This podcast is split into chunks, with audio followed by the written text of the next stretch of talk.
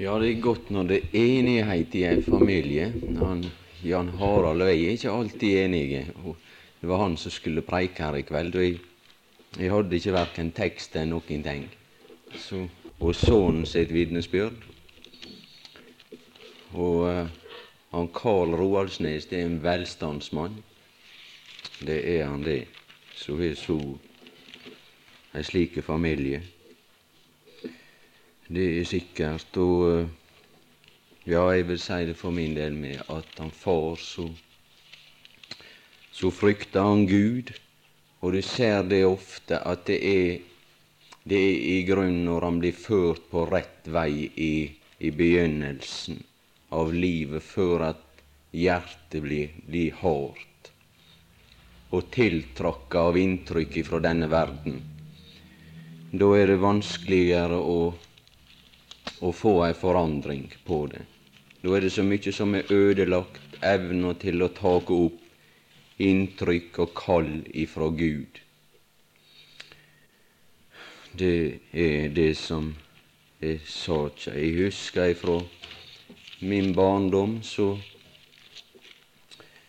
så begynte det så tidlig at når vi skulle legge oss som barn, så før vi har forstand på nesten noen ting å si, og be, så var det på den måte at eh, Jeg husker det at han far, han ba i forveien slik ei setning, kan du si, og så, og så tok oss opp igjen den samme setning.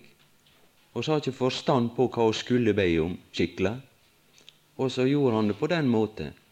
Tok oss det bit for bit, slik på den måten. Og Nå er nå det litt på samme måte, sjøl om vi er voksne også, så veit ikke oss så godt hva vi skal be om. Og derfor er Gud ordna det slik at at der er en som står ved Faderens trone og gjeng i forbønn for oss, og sørger for oss på forunderlig vis. Og det er det oss merker gjennom denne verden. Kan hende jeg kunne si en bitte liten grann om det, da, til en fortsettelse. Det står et uttrykk i Andre Mosebok og det første kapittel og det åttende vers. I går var vi litt inne på dette med at den Herre Jesus, han, han blei forkasta som konge og han blei fjerna ifra denne verden ved syndige menneskers hender. Og så ba de om å få en anna fri. Gi oss Barabbas fri. Og det som står her i dette vers, andre Mosebok, det første kapittel og åttende vers, det er det at det kom en ny konge. Det kom en ny konge over Egypten. Det var den plass der Israel hadde sitt opphold som utlendinger, det var i, i, i Egyptens land. De levde som fremmede og som utlendinger borte fra sitt land, i Egyptens land. Men så var de da i den uheldige stilling at det kom en ny konge over Egypten. Og det som denne konge sa, det var at nu vel, La oss gå klokt til verks imot, imot dem, imot dem. Slik er i grunn på mange vis også vår situasjon i denne verden. Og heile første delen av Andre Mosebok, det er en dialog, det er en diskusjon imellom denne konge og en mellommann imellom Israels folk og Gud. For Moses han var sitt folks frelser på, på et vis. Han kom inn som frelser og skulle redde sitt folk ut ifra Egyptens land. Slik er det også med den Herre Jesus. Det er ei sannhet som vi kjenner til. Og så blei det en langvarig diskusjon imellom disse to, som strekker seg framover like til og med det ellevte kapittel i Andre Mosebok. Der er et uttrykk allerede på begynnelsen av, av Andre Mosebok. Det var at Josef døde. Josef døde. Men så blir dette inntrykk forsterka i det tolvte kapittel i Andre Mosebok. Det er det at Gud handler i dom. Og det er det som er omtalt i fra og med begynnelsen av det tolvte kapittel, at hver husfar skulle ta seg ut et lam et lam for hvert hus. Det er det som vi kjenner til ifra Det nye testamentet, når døyperen Johannes han, han går der en dag, og så peker han på en og sier at der er Guds lam. Der er Guds lam, han som tar bort verdens synd. Og det som var det faktiske forhold gjennom begynnelsen av Andre Mosebok, det var det at all diskusjon, alle forhandlinger vedkommende Israels folks skjebne, det var overlatt til en mellommann og overlatt til Moses. Og det skal jeg si det at det, denne diskusjonen, den var overlatt til en habil mann. Det står det om Moses i det ellevte kapittel og det tredje vers. Så var også Moses en meget stor mann i Egypten. Han var en meget stor mann i Egypten. Han kunne seg med alle problem som oppstod, og han ordna det ut. Men en annen side det er det at Gud, han venta igjennom ei periode før han tok sitt folk ut ifra Egypten. Og det er sine bestemte grunner. Det er det også oss opplever når oss lever i verden. Hvorfor henter ikke Gud oss ut av denne verden og, og, bare, og bare flytter oss der oss hører hjemme? Nei, oss må leve under disse kår i ei periode, og det er en stadig diskusjon angående vår skjebne. Det er mange som rådslår angående oss og forsøker å gå klokt til verks det var både Voltaire og det er så mange som har funnet ut det at det er så tolv fattige fiskere fant på det, og skal utslette både lære og de som hører Jesus til. Det skal oss ta på oss, og det har vært gjort voldsomt mange forsøk på det. Men det eneste som er skjedd, det er det samme som skjedde med Israels folk. Det er det som det står om Israel at de vokste og ble et stort folk i Egyptens land. De vokste og ble til et stort folk og et sterkt folk i Egyptens land. Og når da endelig denne time var kommet, så sier Gud det at nå kan dere forlate dette landet. Og det er ikke bare Gud som sier det. Han dreiv denne situasjonen så langt at det står det at da sto farao opp om natten, ham og hans tjenere. Og der var ikke protest i forbindelse med at dette folk skulle fare. Og det blir til og med sagt det i det 33. vers. Egypterne trengte lytte hårdt på folket for å få dem hastig ut av landet. De måtte innrømme det, at de har ingen rett til å bestemme over dette folk. Ingenting de skulle ha sagt. Absolutt ingenting. Men det eneste som var tilfellet, det var at de opplevde på en måte å bli plaga i Egyptens land med trelldom og med arbeid i tegl og i ler og disse forskjellige ting som egypterne la på dem. Og det er denne trengsel som Paulus taler om, som verker for oss en evig fylde av herlighet.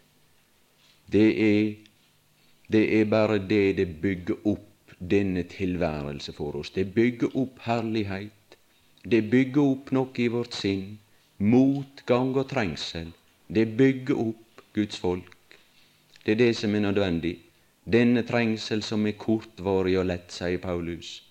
Han skal sie, bare virke det, at det blir ei frukt ut av det, slik at det blir et resultat.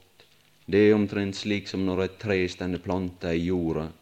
Så vekser det opp og syger næring, slik som det står der planta. Og så blir det de herligste frukter som som kommer ut av det. Og det blir slik som det står om i Jakobs brev, at bonden han venter tålmodig, og så ber jorda ei kostelig grøde for Gud, som han som husbond skal sonke sammen i si lade. Så stender det også dessverre om det at det skal vekse opp det som ingen verdi har i denne verden. Men de som har den rette natur, han bærer frukt ut ifra det som hans natur tilsier.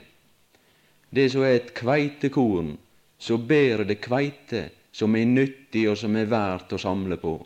Men det som er svimling, som er en gal natur, det er bærer bare det som ingenting er å samle på, og som skal brennes opp, og som ingen verdi har.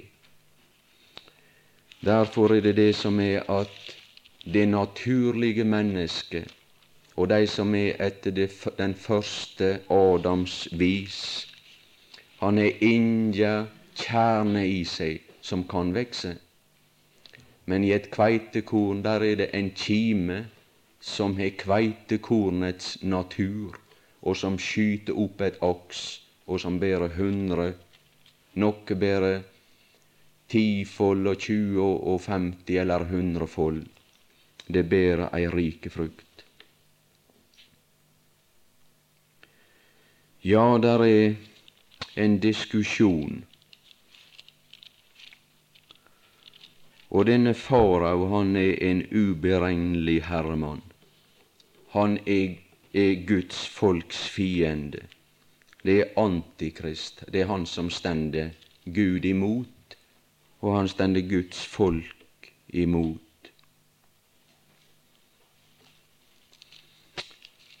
Men eh, det som skjedde her i det tolvte kapittel, det var at han sto opp om natten, han og alle hans tjenere, og alle egypterne òg. Det ble et stort skrik i Egypten,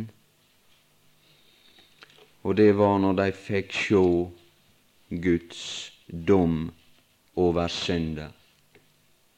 Men hva var det som skjedde med disse egyptere?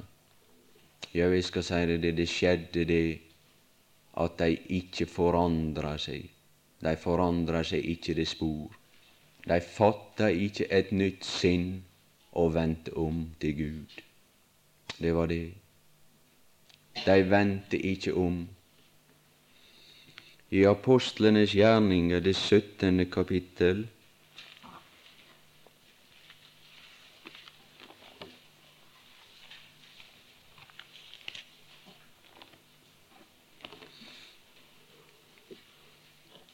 Det er slik i denne verden at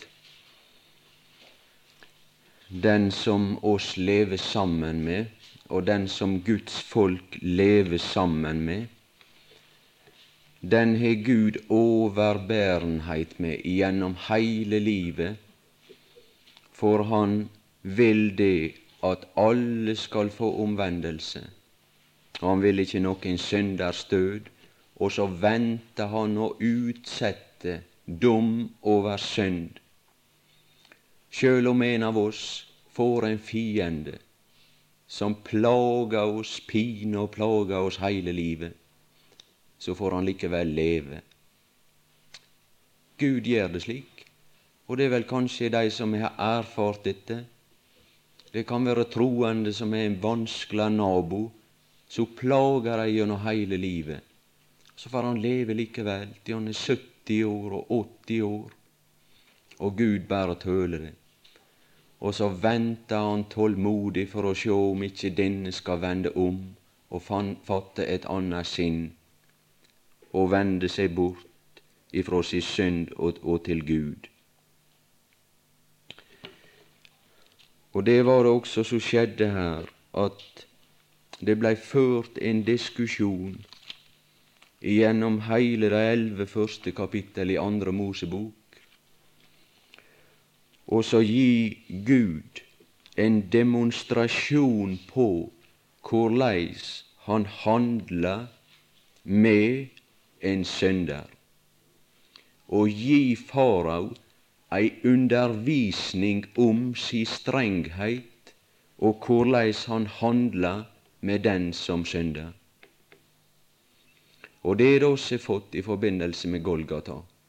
Det er det som, som er demonstrert og som det er gitt et eksempel på. Det er ei side av Kristi død, at Gud bar over med de synder som før var gjort. Men så har Han nå vist sin rettferdighet. Kunne kanskje også før oss går tilbake til apostlenes gjerninger, legge til litt ifra, ifra romerbrevet. og det tredje kapittel og 26. vers. For å vise sin rettferdighet. Der var ei side ved Golgata at Gud viste sin rettferdighet. Han var inne på det, Karl, her til å begynne med.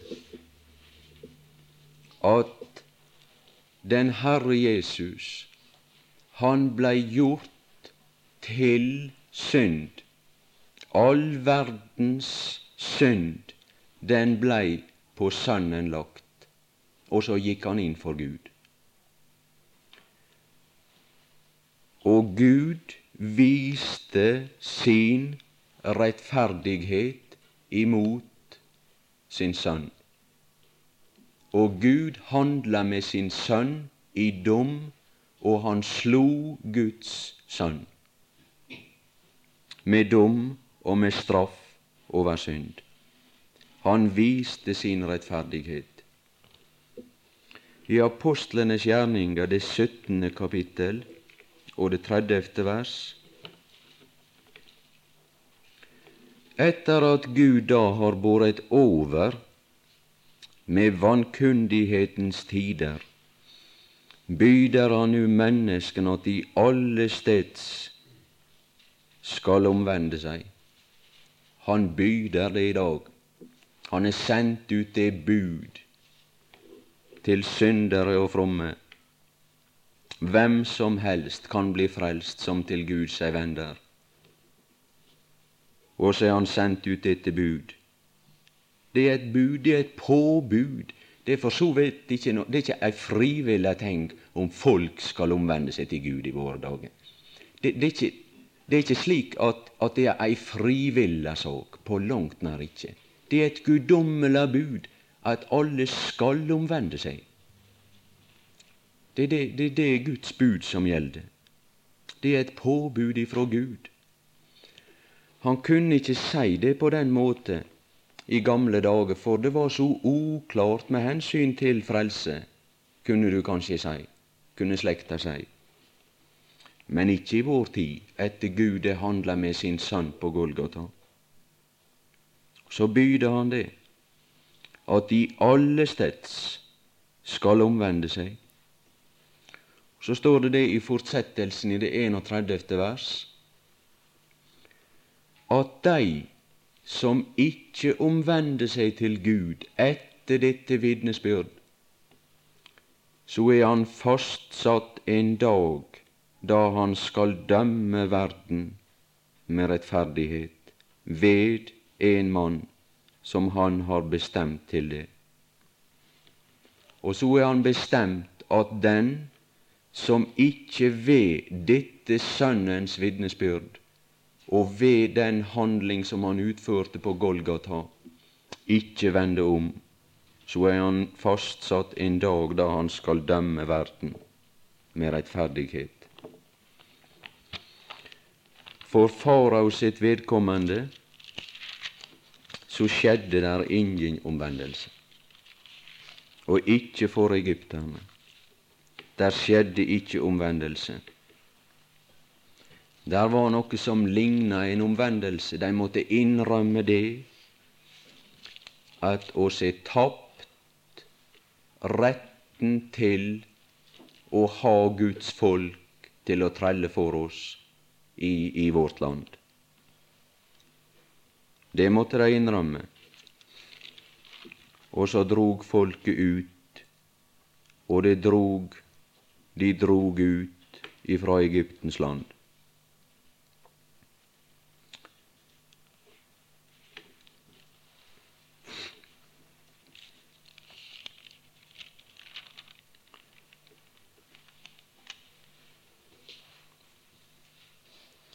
I det fjortende kapittel av Andre Mosebok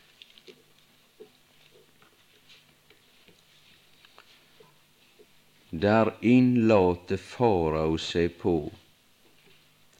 på noe. Det skal stå om det i hebreerbrevet, men som tidligere sagt var han i grunnen Jan Harald som skulle si noe her. Kanskje han kunne funnet tak i det som står i hebreerbrevet at farao prøvde Han prøvde seg på det samme som Israel, å gå over Det røde hav.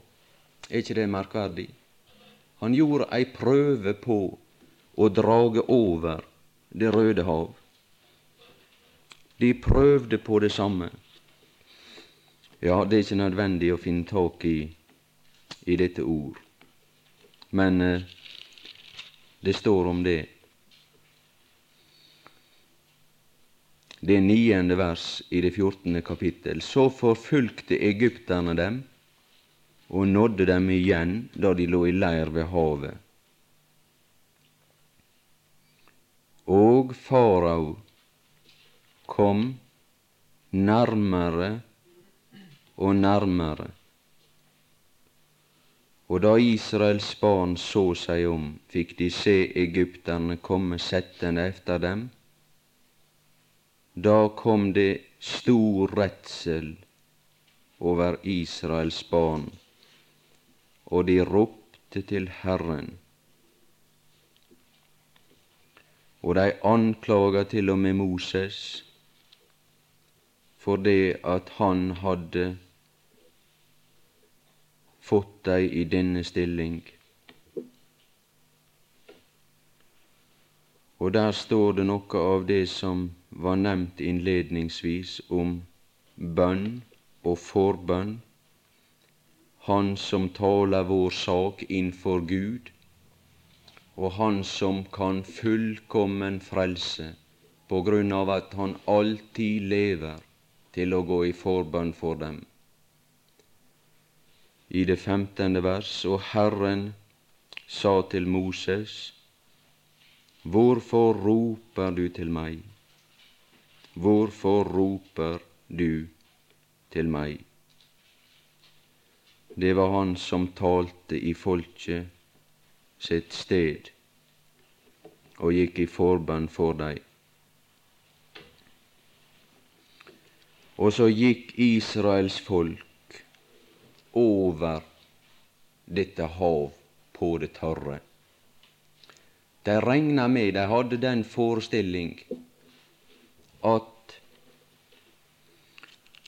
skulle de klare å bli frelst ifrå sine fiender, så var det da muligens de som var mest svømmedyktige, som kunne komme under og legge på svøm over Det røde hav og berge seg.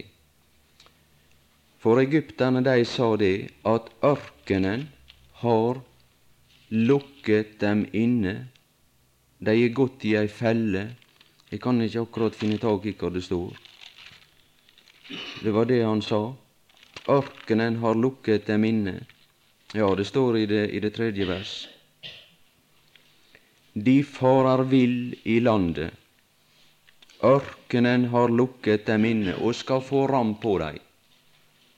Denne Moses, han er ført dem i ei felle, og denne frelse som Moses har fått i stand, den plan som Moses har lagt, den er ført i ei felle. Og Hvis du studerer geografien i forbindelse med deres vandring, så finner vi det at det er et fjellpass på hver side, og så gjenger de rett imellom, og så ligger havet frammapå, Det røde hav. Farao, han sa, de farer vill i ørkenen, ørkenen har lukket dem inne. Muligens de som var godt sømjedyktige, kunne klare å komme seg unna denne fiende. Eller den som var en god fjellklatrer. For det var bratte fjellvegger på hver side. Ja, de var bekymra i denne natt, det var de. Og Moses, han sto ikke høgt i kurs. Men Moses var en stor mann. Det står her skrevet. Han var en stor mann. Og så ropte han til Gud der han sto med dette folk. Og egypterne og farao hadde trengt inn og sperra fjellpasset på baksida, og de sjøl sto midt imellom. Men hva var det som skjedde? Jau, det skjedde det at de gikk over på det tørre. De slapp en gang og etter slik så sa oss var guttunger, de blei ikkje våte på føtta. Det er vår dialekt, det er slik. Der fanst ikkje noe som hindra dei når de gikk over, på det tørre land. Og slik er i grunn Guds frelse. Så lite rett har denne verdens Herre over Guds barn, de som Han er frelst og tar seg av. De går over på det tørre land og det står det i Andre Mosbok, det 14. kapittel og 30. vers. Således frelste Herren den dag Israel av egypternes hånd. Men så står det også det at da farao prøvde på det samme, for han satte etter for å gå på den samme vei over. Men eh, det står det om farao, om den hop som var med han. Og Israel så egypterne ligge døde på havstranden. Han så de ligge døde på havstranden. Og Gud har fastsatt ei tid at han skal dømme den ugudelige og den som står imot Guds sønns vitnesbyrd og den som er forakta den frelse som han er gjort i stand, og som ikke fatta et annet sinn og vente om. Når farao her gjenge så langt at han til og med ber om forbønn for seg, og at han taler som om han hadde vendt om, så er det ikke en omvendelse i sitt hjerte. Det er et sinn som fremdeles er imot Gud. Og når Israel er kommet over på den andre side, da begynner lovsang. Da blir det sang. Da blir det stemning i denne leir, vær sikker på det. Sangens tid er inne. Turtelduen har latt sin røst høre. Ja, oss venter på vår forløsningsdag, når vi skal legge dette dødens land bak oss, så skal vi sjå havet imellom. Jordans flod skal ligge imellom, og så flytta over denne flod og inn i landet. Skal synge en sang. Sangens tid er inne. Og skal få nyte fruktene av hans død, det som oss ennå ikke har erfart. Ja, fruktene av Golgata, det er mer enn det ser ut for ved første blikk. Der er mykje ennå som oss ikke begynt på å nyte av det. Sangens tid er inne. Da sang Moses og Israels barn denne sang for Herren. Jeg vil lovsynge Herren, for, for Han er høyt opphøyet så er det hele det femtende kapittel i Andre Mosebok. Men bare la oss ta med litt av det, det trettende vers. Det står forut om hans dom over sine fiender. Fienden sa, jeg vil forfølge dem, jeg vil innhente dem, jeg vil dele ut hærfang, jeg vil mette min sjel med dem. Jeg vil dra mitt sverd, min hånd skal utrydde dem. Og da taler den allmektige. Du blåste med din ånde, havet skjulte dem. De sank som bly i de veldige vann. Herre, hvem er som du blant gudene? Hvem er som du, herliggjort i hellighet, forferdelig å love, underfull i gjerning. Du rakte ut din høyre hånd, jorden slukte dem. Er den som går fortapt, som stender Gud imot. Det er hans endelykt som er slik. Det er slik Bibelen beskriver Guds fiender etter at nådens tid er slutt. Du fører ved din miskunnhet det folk som du forløste. Du leder dem ved din kraft til din hellige bolig. Og det syttende vers. Du fører dem inn og planter dem på din arvsberg, det sted du har skapt deg til bolig, Herre den helligdom, Herre, som dine hender har grunnlagt.